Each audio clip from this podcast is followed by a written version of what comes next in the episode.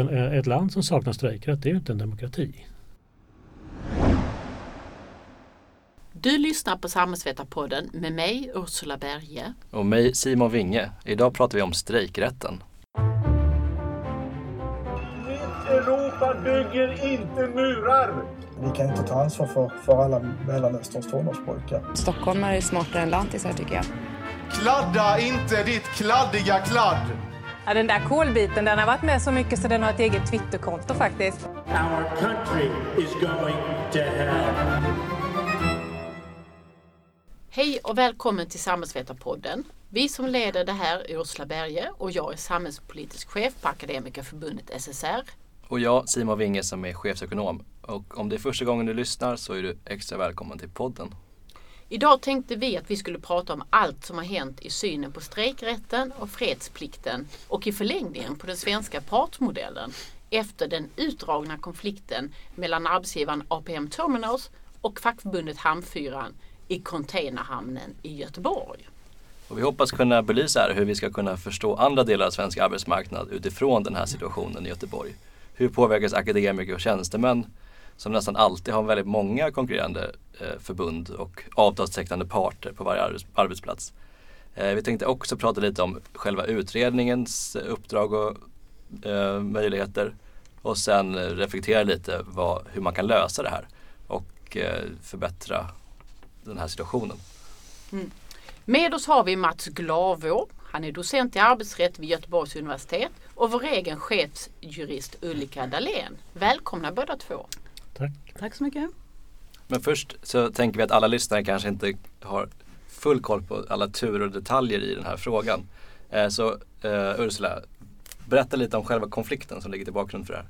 Ja, Göteborgs hamnkonflikt handlar om att APM Terminals, som är företaget som driver containerhamnen i Göteborg, har tecknat avtal med Transport och inte med det fackförbund Hamnfyran som organiserar 85% av hamnarbetarna där. Arbetsgivaren APM Terminals försvarar detta med att de har tecknat ett riksavtal med Transport eftersom det är det största fackförbundet sammantaget i Sveriges hamnar. Hamnfyran vill som största fackförbund i Göteborgs containerhamn teckna ett lokalt avtal där med arbetsgivaren men får inte det. Efter det har Hamnfyran utlyst strejk och övertidsblockad och arbetsgivaren har svarat med lockout och uppsägningar. De uppsagda har ersatts av bemanningsanställda. Och det är utifrån den här situationen som arbetsmarknadsministern Ylva Johansson tillsatt en utredning i somras eh, som ser över vad som går att ändra i lag vad gäller strejkrätten och fredsplikten för att lösa det här problemet. Den ska vara klar i år, 31 maj. Så, så först tänkte jag öppna frågan här och, och, vad handlar den här konflikten egentligen om? Till Mats, Va, vad är de oense om? Ja, det går ju ganska långt tillbaka i tiden när eh, Hamnarbetarförbundet bildades, början på 70-talet. Som en utbrytning ur transport. Och sen dess har ju den här alltså, konkurrensen mellan organisationerna funnits. Och, eh, men det som är det unika med den här konflikten i Göteborg då, det är ju att arbetsgivaren väljer att sluta kollektivavtal med en organisation som inte representerar majoriteten av de anställda. Alltså inte kan erbjuda arbetsfred. Det som är själva grejen med att sluta kollektivavtal. Det är det som är unikt. Hamnade, eh, du beskriver att det går lång tid tillbaka. Handlar det om att det är två olika förbundskulturer eller handlar, handlar det om att man faktiskt har olika villkor? Alltså innehållet. Finns det något mer bakom? Alltså det är, det är olika syn på hur facklig verksamhet ska bedrivas. Det är, det är grundskillnaden. Och eh, ett av de problem som har lyfts fram med eh, Hamnfyran från arbetsgivarsidan det är ju att eh, de har ju krav på medlemsomröstningar vid ställningstaganden. De kan inte sitta och deala med en, en företrädare för, för motparten på det sätt som vi har vant oss vid i andra organisationer. Och eh, när arbetsgivaren pratar om att eh, vi sluter riksavtal och på riksnivå säger då transport i majoritet så ska man veta att bakgrunden till kraven på riksavtal det är ju att arbetsgivarna inte ville att vi skulle ha strejkrätt på lokal nivå. Det var ju det som var problemet från början. Men genom, och genom att alla är med i samma organisation och vi sluter riksavtal då, då, då, kan man sitta i Stockholm några stycken och skriva ett kollektivavtal som täcker hela en hel bransch. Mm. Och, eh, och eh, där har då alltså Hamnarbetarförbundet har en annan syn på hur fackligt beslutsfattande ska gå till. Och det, det är väl där som konflikten då ligger. Du säger att det är en unik situation. Betyder det att vi har sett det här förut eller aldrig sett det här förut eller det finns inte i andra delar av landet eller hur unikt är det? Alltså jag kan inte erinra mig att jag sett någon liknande situation. Att det, att det finns konkurrenskonflikter, det kan vi återkomma till sen, för det, det har det gjort i alla tider. Det är ganska vanligt. Men, men det unika i det här fallet då, det är att det är en konkurrens situation där vi har alltså de stora etablerade organisationerna å ena sidan, alltså både arbetsgivarsidan och den fackliga sidan mot en liten organisation som står utanför detta etablissemang. Det är där vi har problematiken i just det här fallet. Och eh, om det har funnits liknande situationer där en majoritet av de anställda har varit med i en organisation som arbetsgivaren inte har slutit kollektivavtal med, jag känner inte till det. Och eftersom det är så speciell, skapar så speciella förutsättningar så borde vi nog ha hört talas om det om det, om det har varit så. Så jag tror att det är väldigt unikt. Mm. Hamnarbetarförbundet finns ju i andra hamnar men det är inte samma situation där eller? Alltså i några till är de i majoritet vad jag förstår. Och, och på några håll har de ju dessutom då lyckats förmå arbetsgivaren att sluta kollektivavtal. Men det har ju lett till, till stora problem. Jag, jag tror det är ganska många år sedan så var det någon hamn, jag kommer inte ihåg vad det var, men de gick i alla fall med på att sluta kollektivavtal med Hamnarbetarförbundet men konsekvensen blev att, att eh, då hotade arbetsgivarorganisationen att utesluta dem. Så het är alltså den här frågan. Alltså arbetsgivarorganisationen tillåter ju inte att eh, deras medlemmar sluter avtal med någon annan än i det här fallet då, Transport. Mm. Så, så att, Men vill man då sluta för, är det för själva hamnen eller vill man sluta för alla hamnar där man har medlemmar? Hur? Hamnarbetarförbundet menar ja. Jag. jag. tror nog att deras krav är nog riktade mot varje enskild arbetsgivare. Men det, det okay. känner jag inte men det tror jag. Ja. Tror jag. jag. tror inte att de vill ha ett riksavtal. Nej. Okay. Mm. Och den här situationen som är så unik som du beskriver föranleder ju då arbetsmarknadsministern i somras att tillsätta den här utredningen. Och om man läser två av de uppdrag som den utredningen har så, så tänkte jag att ni skulle bena lite i detta som arbetsrättare vad detta betyder. Mm. Det första uppdraget är att analysera och ta ställning till om det är möjligt och lämpligt att begränsa rätten att vidta stridsåtgärder i andra syften än att reglera villkor i ett kollektivavtal.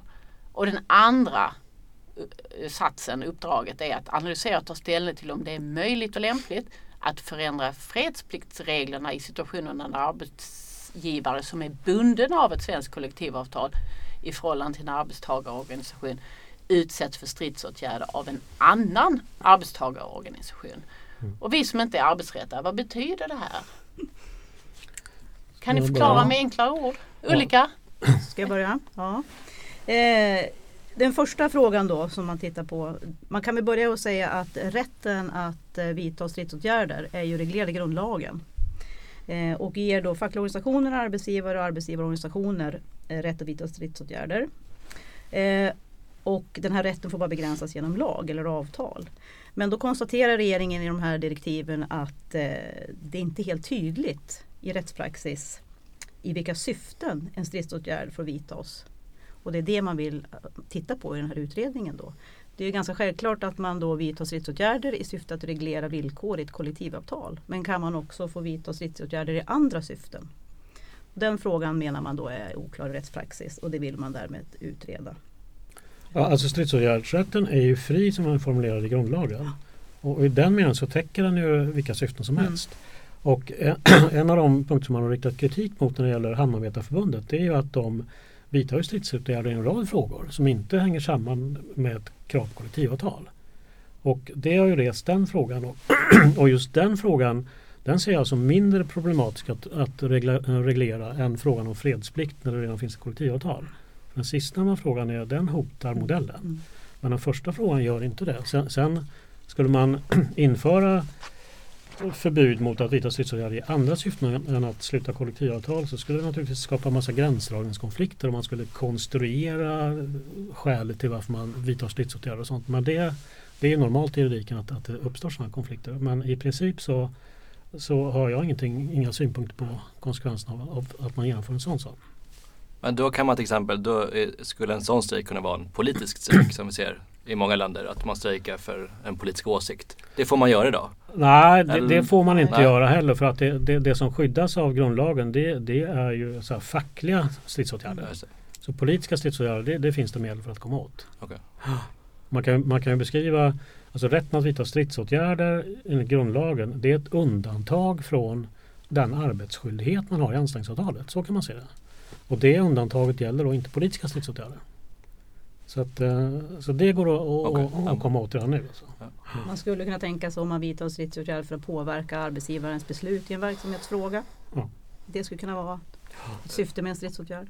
Och det skulle gå Mm. idag. Eller protestera mot att arbetsgivaren har sagt upp anställda exempelvis. Just det, trots att det följer. Ja. Det finns ju de som har kritiserat eh, den här utredningens uppdrag att detta skulle öppna upp för avtalsshopping. Kan ni utveckla det? Vad är det? Då kommer man in på den andra frågan då som, som utredningen ska titta på. Och eh, då kanske man måste beskriva lite bakgrund för om man inte är så insatt att eh, träffar man ett kollektivavtal då är det parterna som har träffat det avtalet är bundna av fredsplikt säger man. Det vill säga arbetsgivaren köper arbetsfred genom att ingå det här avtalet. Och då kan ju inte den fackliga organisationen vidta några stridsåtgärder och inte heller arbetsgivarorganisationen eller arbetsgivaren i förhållande till varandra. Men andra organisationer som inte är bundna av det här avtalet, de är ju fria att vidta stridsåtgärder. Och det man nu tittar på det är ju om då ett eh, arbetsgivaren träffar ett kollektivavtal med en facklig organisation så ska det också innebära då fredsplikt i förhållande till andra organisationer som inte är bundna av ett kollektivavtal.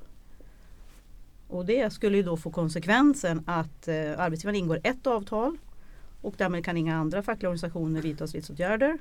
Och då ser man ju en risk här då, stor risk att arbetsgivaren kan välja då det billigaste avtalet och därmed har man fredsplikt.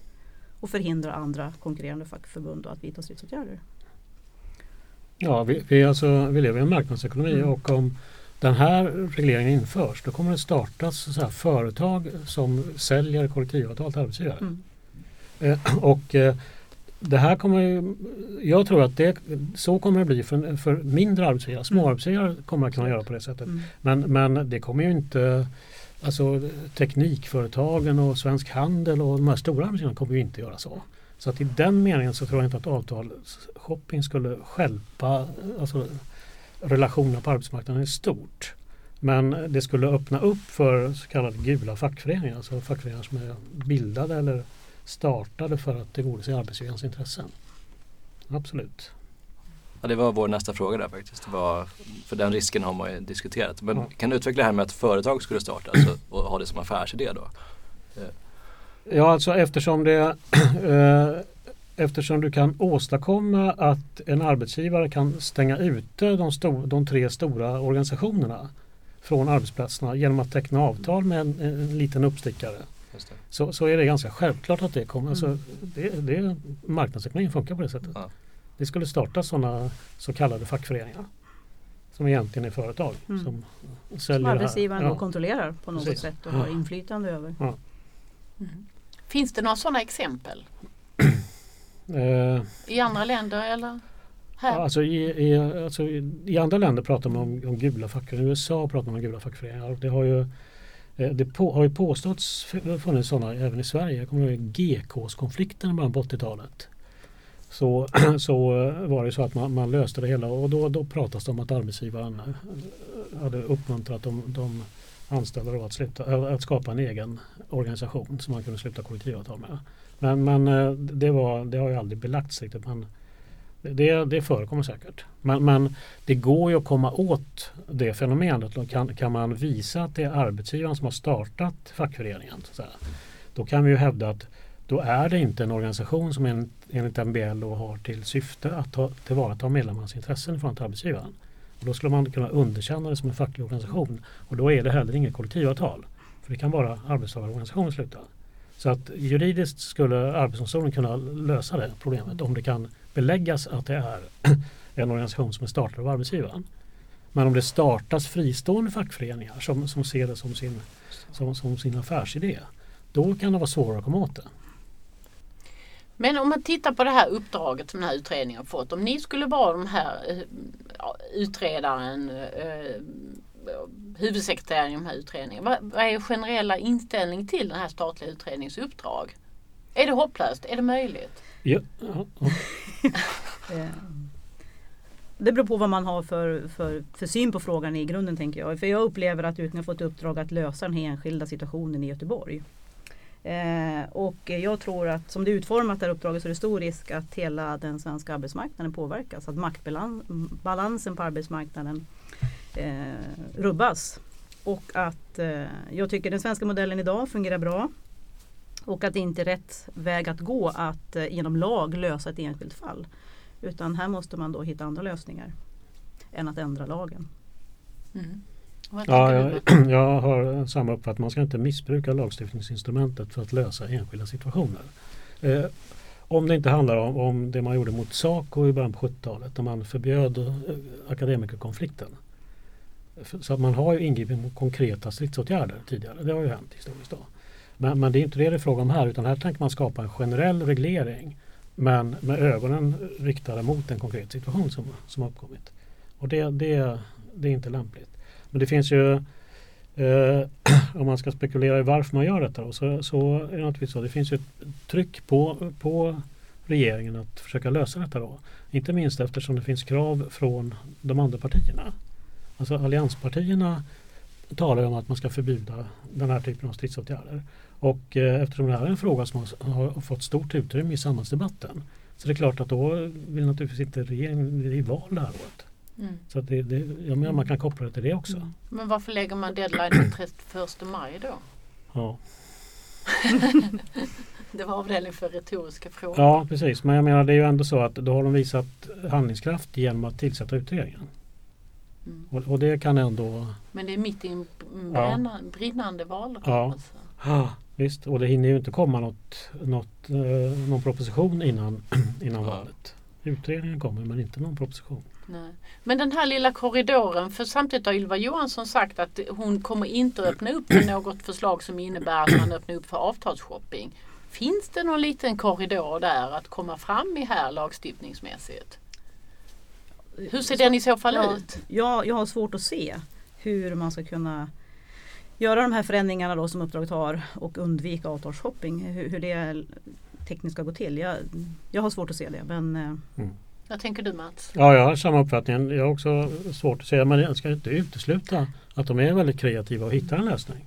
Och det, dessutom så är det så att det är inte bara lagstiftningslösning som direktiven omfattar. Det är ju även andra lösningar med inrättandet av en nämnd som kan titta på de här frågorna. Och sånt. Så att, det, att man hittar någon sorts lösning på detta som inte innebär ett förbud mot stridsåtgärder. Det, det kan man nog tänka sig. Mm. Och som inte skulle vara ett hot. Då. Så andra lösningar, om man nu tittar på lag, du tänker nämnd, vad kan man mer tänka sig att de skulle kunna eh, föreslå? svårt att spekulera i. Det fin- alltså direktiven anvisar ju, alltså de, de ska Det titta på de här nämnd- två mm. frågorna. Men, men det, det är också intressant att se att, att eh, en av uppgifterna är att titta på om man får vidta stridsåtgärder i andra syften att uppnå kollektivavtal. Men samtidigt också undantar man ju de situationer där man regelmässigt gör så. Nämligen det som kallas indrivningsblockader och sympatiåtgärder. För det är en så helig fråga så att det skulle man aldrig våga låta utredningen utreda. Det, det skulle ju LO säga bestämt nej till. Och sympatiåtgärder är en superpolitisk fråga också. Ja, Mm. visst. Det, det är heligt alltså. För båda sidor. Ja, men om vi tittar lite på eh, andra avtalsområden och inte bara tittar på det här som är utredningen och det som har hänt i Göteborg. Eh, men det här med konkurrerande fackförbund på samma avtalsområde, för det är faktiskt det det handlar om. Hur vanligt är det och hur löser man det på andra avtalsområden? Mats? Alltså hur vanligt det är det, det, det har jag inte sett någon statistik på. Men däremot så att det har funnits mycket konflikter genom årens lopp mellan organisationer. Det är ju helt klart. Och, eh, eh men de har ju lösts. Och det finns ju i princip, principiellt är det två olika sätt att lösa detta. Det ena är ju att varje huvudorganisation i sin organisationsplan bestämmer hur man ska dela upp mellan organisationerna inom samma huvudorganisation. Det är ju det ena sättet då. Och det andra är ju då att man har gränsdragningsöverenskommelser mellan organisationer. Det kan ju vara både inom samma huvudorganisation men också då mellan organisationer som tillhör olika huvudorganisationer. Alltså mellan ett, ett LO-förbund och ett TCO-förbund exempelvis. Så att gränsdragningsöverenskommelser är, eh, är ju vanligt förekommande. Så att på det sättet har man ju löst det genom åren. Då. Just det. Och, och Ulrika, det är väl ännu vanligare på just bland tjänstemän och akademiker. Eh, kan du utveckla lite hur, hur det hanteras på den delen av arbetsmarknaden? Ja, eh, och där tror jag det har mycket att göra med att eh, inom SACO så är det ju yrkesförbund. Så man har ju organiserat då utifrån yrkesfrågorna mycket och eh, det har också gjort att på alla våra avtalsområden så vi är inte ensamma på något utan vi har ju konkurrerande avtal på, på alla våra avtalsområden inom våra sektorer. Eh, och det har ju byggt på samarbete mellan förbunden, mellan organisationerna. Och där man då har också accepterat att eh, yrkesförbunden också ska ha kollektivavtal. Och levt med det parallellt och kommit överens om det. Det är någon Mm. form av gränsdragning också så att säga. Men det finns inga regelrätta gränsdragningsöverenskommelser. Men ändå en, en acceptans att också Mm. yrkesförbunden har eh, avtal.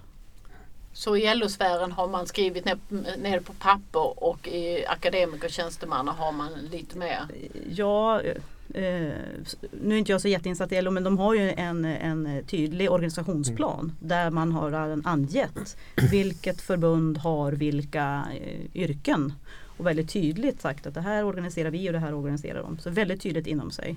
Och det är också i syfte, tänker jag, att eh, det är facken som ska bestämma vem arbetsgivaren ska avtal med och inte arbetsgivaren som styr och kan då reglera det billigaste till exempel. Mm. Utan det är facken som bestämmer vem som ska ha avtal. Och även då i förhållande till varann. Så att inte arbetsgivaren kan spela ut utan det är vi som. Men det är inte lika reglerat eh, på, på, på SACO-sidan på det sättet. Mm. Men då om man går in och stiftar lag på det här sättet, hur skulle det påverka den dynamiken på även på akademiker och tjänstemannasidan? Mm. Ja men det var väl det vi var inne på Ja. Sita. Det, det finns en risk då att det försvårar att ha då flera avtal på samma arbetsplats. Det är en risk för det. Mm. Och att arbetsgivaren också då i den här avtalsshoppingen att man har ett avtal, man då tecknar det billigaste och sen har man ju fredsplikten. Men samtidigt har ju då eh, de, de som tillhör de tre stora organisationerna de har ju löst de här frågorna tidigare Mm. och det är ju inte de som är problemet här. Så, att, så att, eh, jag tror inte att det skulle vara något större problem framöver heller. Men det finns ju också andra, det är helt rätt som du säger att in- industriförbunds och yrkesförbundsprinciperna då kolliderar ibland och inom LO så har man ju både och. Man har ju eh, stora förbund som Metall exempelvis som är ett industriförbund. Det innebär att alla som jobbar i verkstadsindustrin eh, ska vara medlemmar i Metall oavsett vilket yrke de utövar. Men samtidigt så har vi då Elektrikerförbundet, Målareförbundet och nå- något fler, några fler eh, som har en annan organisationsstruktur då, eller uppbyggnad. Och det har ju lett till konflikter genom åren men det har de ju löst. Då. Och sen finns det ju en, väldigt uppmärksammad tvist för, måste vara på 80-talet, det var ju när, när man bolagiserade delar av den kommunala verksamheten, bland annat hamnarna. För att då ledde ju det fram till att då var det ju Kommunal som hade organiserat folk tidigare då, när de var kom, kommunalanställda. Men när de sen då formellt blev privata bolag då kom de ju in i de andra organisationernas sfärer. Så att då blir det ju väldiga konflikter mellan kommunal och transport i hamnarna. Det var ju till och med så att eh, det var tal om att man ville utesluta eh, kommunal ur LO. Så het var den frågan. Och, och, och det är liksom en annan sorts gränsdragningskonflikt som handlar liksom om, om, om den eh, alltså ägarförhållanden och hur man organiserar verksamheten på det sättet. Så att det, det finns utrymme för den här sortens gränsdragningskonflikter på, med olika bakgrund, helt olika bakgrund. Om nu utredningen kommer fram till att man ska ändra lagen och det inte blir med den här kirurgiska precisionen så att det bara påverkar Göteborgs hamn. Vad händer då med den svenska partsmodellen? Alltså att man faktiskt inskränker strejkrätten och fredsplikten eh, och ändrar den på olika sätt. Det är svårt att uttala sig om det när man inte vet hur ett sådant Ja. förslag skulle se ut. Liksom. Men spekulera lite. men- men- Worst case men, scenario. eh, Men det som är, tycker jag, en viktig ingång det är väl att den svenska modellen fungerar. Vi har ju jättefå strejkdagar, facken tar ansvar för när man vidtar Mm. stridsåtgärder. Det finns liksom inget syfte som vi var inne på tidigare att ändra lagen utifrån den här speciella situationen. Det är väl det man måste komma ihåg. Och därmed ändrar man oavsett kanske hur så kommer det att påverka eh, vår modell som vi har den idag och Mm. på något sätt rubba maktbalansen som finns liksom. Och partsautonomin. Så att eh, det, ja, det är min inställning, jag vet inte. Men Alltså, alltså grunden i hela den svenska modellen då, det är ju ändå föreningsfriheten. Alltså rätten att, att bilda fackföreningar. Och, och eh, eh, trots att, att vi har, att det bygger på frihet så har det ju ändå lyckats. Man har lyckats lösa detta och, genom att eh, träffa överenskommelser mellan parterna och mellan, mellan ömse sidor. Då, så, att, så att det fungerar. Men det är ju inte så att det står i lagen att de som jobbar där ska vara medlemmar där och de som jobbar där ska vara medlemmar där. Men det är ju det vi riskerar att få genom sådana här saker och då är det slut med den svenska modellen. Mm. Då, då har vi en korporativistisk ordning där, där fackföreningarna blir en del av statsmakten och så pekar man ut liksom på det här området så är det ni som ska styra genom lagstiftning. Och det är och, och alltså, om det är så att man eh, eh, vill man ha en, en modell som bygger på frihet då måste man också tolerera avvikelser. Alla kan inte rätta in sig i ledet för, om, för om, om det är några som ställer sig utanför så kan man inte förbjuda dem. För att då faller hela idén. Men däremot så måste man ju hoppas på att, att, att man inte ställer sig vid sidan av utan att man är liksom solidarisk med varandra. Då. För, för, för en annan sån här fråga som man diskuterar det är om är det bra att det finns konkurrens mellan fackföreningar? Och eh, det, det, kan man ju svara olika på. Det ena är att är det eh, alltså konkurrens i någon sorts marknadsekonomisk mening så menar jag att då är det inte bra.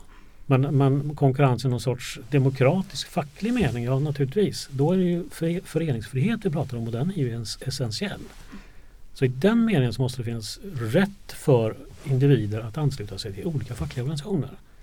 Men samtidigt så är ju själva grunden i den fackliga rörelsen det är ju att eh, enades vi stå, söndrade vi falla. Alltså det fackliga löftet. Mm. Det är ju med att eftersom vi har en, liksom en tänkt gemensam motståndare om vi då splittrar oss då kommer vi inte uppnå det vi vill. Så i den meningen så, så, så, så stärks ju eh, arbetstagarnas positioner om de är solidariska mot varandra och agerar samfällt mot arbetsgivaren. Naturligtvis. Men vi kan inte lagreglera fram solidaritet. Du betonar väldigt mycket föreningsfriheten här.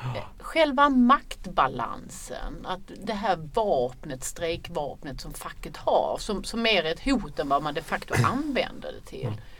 Eh, men du, det är inte lika viktigt tycker du som den här föreningsfrihetsdelen eller? Jo men alltså, det är ju, alltså vi börjar ju i föreningsfriheten. Mm. Alltså om, om vi tänker oss hur regleringen är, är konstruerad i Sverige då, så har vi den mest grundläggande regleringen vi har i MBL. Det är då rätten att vara fackligt ansluten utan att bli utsatt för, för sanktioner. Då. Sen har vi förhandlingsrätten. Alltså när man har bildat en organisation så har man förhandlingsrätt och eh, tanken är då att den ska man använda för att sluta kollektivavtal. Och kan man inte komma överens genom att utöva förhandlingsrätten då kan man varsla om stridsåtgärder. Så att den, den kopplingen har alltså. Så att eh, båda de här komponenterna är, är essentiella. Alltså strejkrätten, en del säger att ett, en, en, ett land som saknar strejkrätt det är ju inte en demokrati. Det är så fundamentalt mm. betraktar man det. Alltså. Men det är ju ändå föreningsrätten är ändå grunden för att kunna utöva strejkrätten. Förutsätter varandra. Ja, precis. Mm. Mm. För då om man tar, det finns en del eh, branscher och sektorer där man ofta inte får strejka för det är samhällsfarligt. Um, kan ni, hur, Nej, det finns inga sådana, det finns inga sådana regler. Nej. Utan det är, det är ju avtal. Det. det. är kollektivavtal som styr mm. det. Parterna har själva slutit sådana avtal. Mm. Så att uh, i den meningen så bygger hela alltså, den politiska mm. demokratin att man inte kan angripa den genom stridsåtgärder. Det bygger egentligen på ett kollektivavtal. Mm. Det, det, är lite absurt men så är det faktiskt. Man har ju lite bilden som utomstående att, att de här, eh, när det blir samhällsfarliga konflikter så är det väldigt mycket inom vården och det, sjuksköterskor och så vidare. Men det finns också sådana avtal på privat sektor också utanför hälso och sjukvården och det som är väldigt så att handlar om liv och död. Mm. Vad, vad, kan det tänkas vara? Bara så att vi fattar det här med vad, vad man kan ha privata avtal om samhällsfarliga konflikter. Ja det skulle väl vara om det hotar eh, essentiella näringar typ eh, hamnar och sådana här saker. Då. Men det gäller inte just containerhamnen i Göteborg då? Det, ja, det finns, inte någon sån, det finns ju inte någon sån reglering. Det, det, det, är inte... det finns inget sånt kollektivavtal som Nej. träffar den situationen. Nej. I och med att de inte har avtal. För det är Nej. parterna själva som kommer ja. överens om vad en samhällsfarlig konflikt och reglerar det i avtalet och så mm. finns det ju nu kan inte jag exakt det, men nämnder och så som Mm. bedömer är det här en samhällsfarlig som parterna själva satt upp regelverket för det så att säga. Mm. Och eh, det kan ju vara situationer där man gör ett varsel och där motsidan in, invänder att eh, ska det här lösas ut så kan det bli en samhällsfarlig Mm. eh, konflikt och så tittar man på det och gör en bedömning. Men här eh, tänker jag att här finns inte Nej. något sånt avtal. Som, som, Nej, det, det har ju förekommit i debatten att någon har föreslagit att man ska låta de här reglerna om samhällsfarliga konflikter ska omfatta då privata sektorn. Men det innebär att den personen måste mena att man ska föreslå att vi ska lagstifta om att ett visst kollektivavtal ska vara tillämpligt. Och det är ingen bra ordning. Då får man istället lagstifta om samhällsfarliga konflikter då. Det är i så fall en, en, en lämpligare lösning. I den här debatten har vi ju kommit eh, sett ett antal olika förslag som folk har på hur man skulle kunna lösa den här konflikten i, i Göteborgs hamn eh, utan att det kanske påverkar hela arbetsmarknaden. Och, och eh, det som lagstiftning eh, som finns i utredningen och, och det har vi redan diskuterat. Men eh, det finns ju andra förslag som har varit uppe i debatten. Ja, vi har ju berört det lite grann här men du Mats sa ju, du var, sa ju att unika situationer kräver unika lösningar eh, här om veckan. Och eh, då undrar jag, vad, har du någon sån unik lösning som man skulle kunna? Ja visst, den är ju väldigt enkel. Ja. Det, det, ja, det finns två enkla lösningar egentligen. Och det ena är ju att, att eh, de enas de här tre parterna, för det är faktiskt tre eller fyra om man så vill, parter. Alltså arbetsgivarorganisationen, arbetsgivaren, transport och hamnfyran. Eh, att eh, inse att det här är en, en, en väldigt unik situation, men lös den då. Lös den då. Till, Mm. Sträva inte efter att vi ska införa lagstiftning som hotar hela den svenska modellen, utan lös den här konflikten. Och kryp till korset och ge upp prestigen. Och eh, låt också då, alltså Hamnarbetarförbundet, problemet eh, som, som det lyfts fram då, det är att det är lite otydligt vad det är de vill. Men, men alltså, låt dem då presentera vad de, vad de vill och eh, att det, om det då är förslag som är tänkbara att gå igenom, alltså man kompromissar fram till någonting sånt. För då får vi också se om Hamn, Hamnarbetarförbundet menar allvar med att de faktiskt vill underkasta sig fredsplikt. För att det, hävdar ju arbetsgivarsidan nu att det vill de ju inte egentligen.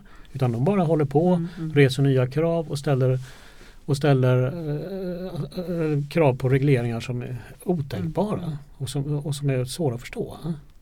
Så man ska låsa in dem i ett rum och så får de inte komma ut Ja. förrän de är Ja, överens. precis. Det, visst. Och, och då, då, det går ju att lösa. Mm.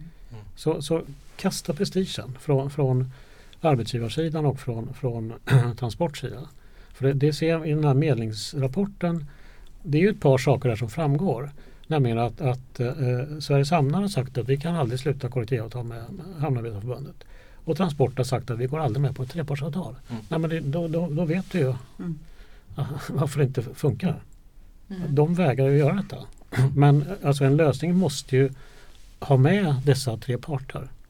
Alltså det andra alternativet är ju då eh, det är ju att, att eh, APM då, de lämnar arbetsgivarorganisationen och så sluter de avtal med Hamnarbetarförbundet. Men de måste lämna för att kunna göra ett sånt lokalt avtal. Ja, de är ju fortfarande bundna av det avtal som deras organisation har slutit. Så, så länge det avtalet gäller. Och, och, och, det som en del har framhållit här nu det är ju att eh, förra våren så gick ju kollektivavtalet ut. Alltså när konflikten var som värst då löpte kollektivavtalet ut. Och då fanns ju den möjligheten. Men den, den konflikten vill naturligtvis inte arbetsgivarna i Sverige ta. För att det, det är inte bara en konflikt gentemot eh, transport utan det är mot hela arbetsgivarkollektivet också och, och, och eh, alltså strukturen på svensk Mm. arbetsmarknad. Mm. Så det kan man i och för sig förstå att man inte Mm. Mm. tar den konflikten. Då. Men det hade varit möjligt. Mm. Men eh, skulle man kunna ha två separata avtal? Är det en Ja. möjlig ordning? Ja. Det går. Det går. Alltså det har vi på andra sektorer. Alltså bara parterna kommer överens. Mm. För det är inte så att det framställs ju på ett sätt som att man kan inte ha flera kollektivavtal. Alltså, på samma sätt som, som att flera olika människor kan gå in och handla i en affär och att det, man handlar olika saker och olika priser och sånt. Så kan man väl ha flera olika kollektivavtal i och för sig på en arbetsplats för samma kategori av arbetstagare. Mm. Det är bara att det är lite stökigt för arbetsgivaren att hålla reda på det. Men det är ju inte omöjligt. Men då måste hamnfyran och transport kunna prata med varandra också. Ja, Kan de det? Ja, och transport ska ju då, om man tänker utifrån principen först träffade avtal så ska ju då transport inte kräva skadestånd för att arbetsgivaren då tillämpar avtalet med, med Hamnfyran. Så är det ju också. Men, men eh, som du säger att det förekommer ju flera avtal på andra områden. Ja. Så att det går ju. Men om vi tänker att vi stänger in dem i det här rummet och då är det trepartsavtal, två separata avtal eller kanske ett hängavtal. Eh, vilket är mest sannolikt, möjligt, görligt? Alltså ett hängavtal är ju, är ju knappast en lösning då. För ett hängavtal innebär ju att i princip så innebär det ju att, att Hamnarbetarförbundet får fredsplikt. För alla de villkor som finns i avtalet de tillämpas ju på deras medlemmar idag. Så att de får ju inte någon framflyttad position. De får lite medbestämmande rättigheter, rätt till betalda fackliga förtroendemän. Det, det är vad de får. Men de får ju inget inflytande över avtalets innehåll och det är det som, som är Då är det Transport som förhandlar fram villkoren Ja. och sen så det man säger hänger Ja. Hamnfyran på det avtalet. Alltså. alltså deras kollektivavtal innehåller de villkor som finns i Transports avtal. Det är en Mm. Så det förflyttar egentligen inga Nej. Nej, utan det var som du sa, det är inflytande och facklig tid. Just det.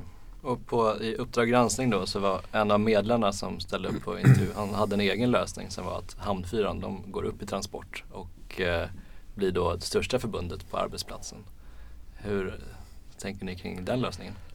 Jag tänker att han trodde nog inte att kameran var på då. Alltså det är, så, det är inte så bra att en, en medlare kommer med ett sådant förslag som går ut på att, att, att den ena parten i konflikten ska upplösas. Det, det tycker jag inte är särskilt tilltalande. Och dessutom så är ju båda medlemmarna är ju gamla LO-personer. Mm. Som, sitter i, som kommer därifrån. Och då, det ökar inte förutsättningarna för att man ska få en lösning. Så det är ingen lösning som ligger närmast till hands. Um, förr i tiden fanns det stopplag som, som eh, riksdagen kunde införa i enskilda situationer. Ja, är det en möjlig väg? Det blev ju saker då utsatta för 1971 var det väl. Mm. Det är senaste gången. Eh, Jo men eh, vad är det de ska stoppa? De är ju inte ute några stridsåtgärder. Hamnarbetarförbundet har ju inga stridsåtgärder för närvarande. Så det, det är också eh, ett konstigt förslag. För, för när man har gjort detta tidigare år, det är när det är sådana här omfattande pågående konflikter som inte hittar någon lösning. När det kan vara tiotusentals människor som är ute i strejker och som får väldiga konsekvenser för samhället. Då har man insett att då behöver vi gå in och göra någonting. Alltså stopplagstiftning. Mm. Men i det här fallet så är det Inget. Nej, det Nej, finns ingen pågår. konflikt. och, Det finns ingenting stoppa. att stoppa. Nej. nej. Eh, ja men eh, andra konkreta kloka idéer som man skulle kunna tänka sig i det här. Mer av den här samordningen och gulliga samverkan vi har mellan akademikerförbund. Nej men det var väl det som du var inne på tidigare. Att det, det krävs väl att de, de inblandade parterna försöker Mm. hitta en lösning här. Ja, vi kan inte tvinga alla att dansa efter samma pipa.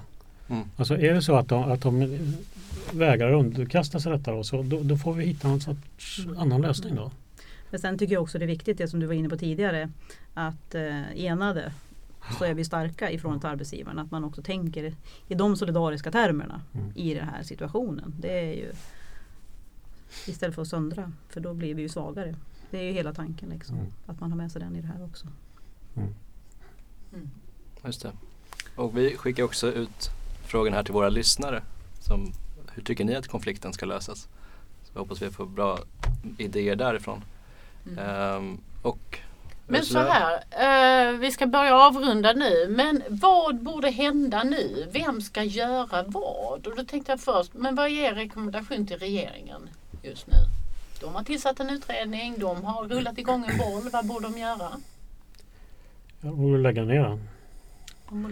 Inga tilläggsdirektiv eller någonting sånt utan lägg ner. Eh, Okej, vad borde APM Terminals göra? Ja, de ska gå in i det där berömda rummet. Mm. Just det. Ja det får ju bli rekommendationen till, till Mm. resten av parterna. Då. Ja, och det gäller också anföraren transport då. Ja, och arbetsgivarorganisationen. Och Svenska Hamnar då, arbetsgivarorganisationen. Och vi andra då, som står utanför direkta konflikten. Så vi gör den här podden bland annat. Men är det något mer sätt vi kan påverka på? Vi som gillar den svenska partsmodellen och som inte egentligen har någonting med en containerhamn i Göteborg att göra. Ja, då, då ska man nog göra som, som du var inne på förut. Då, att vi, vi ska ju försöka hitta en, eller en lösning som inte hotar den svenska modellen. För det är ju den alla säger Mm. sig vilja värna. Och, eh, och eh, går vi in med lagstiftningsåtgärder för, om att förbjuda exempelvis då att eh, vidta stridsåtgärder för att få ett, ett andra avtal. Då, då, är, då, då har vi inte kvar den svenska modellen. Så att, så att, eh, och då måste istället då eh, fokus ligga på att försöka lösa den här konflikten. Mm. Mm.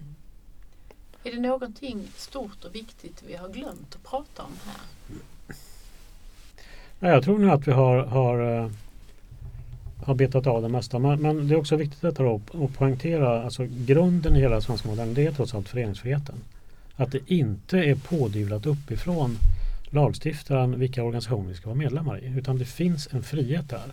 Sen har vi haft turen och skickligheten genom alla år att ändå lyckats komma överens på nästan alla områden ständigt. Och eh, vi har en fungerande modell. Det, Sveriges ekonomi fungerar på grund av detta. Vi har väldigt få strejkdagar internationellt sett. Så det är en väldigt väl fungerande modell. Och, och eh, vi ska inte riskera den genom att då lagstifta på ett sätt då som, som riskerar att vi undergräver. Och jag kan bara instämma i det. Jag har ingen annan uppfattning. Att, att eh, ändra lagstiftningen här för den här uppkomna situationen tror inte jag är rätt väg att gå. Utan att det är någon form av lösning som parterna måste komma hitta. Mm. Det stängda rummet. Med det säger vi tack till dig Mats och tack till dig Ulrika. Mm, det var allt från oss, Samhällsvetarpodden den här veckan. Eh, vi kör varannan vecka så om två veckor är det dags igen. Vi fångar upp samhällspolitiska frågor med en facklig twist. Eh, du får gärna gå in och prenumerera. Ja. Samhällsvetarpodden görs av Akademikerförbundet SSR, Sveriges ledande samhällsvetarförbund.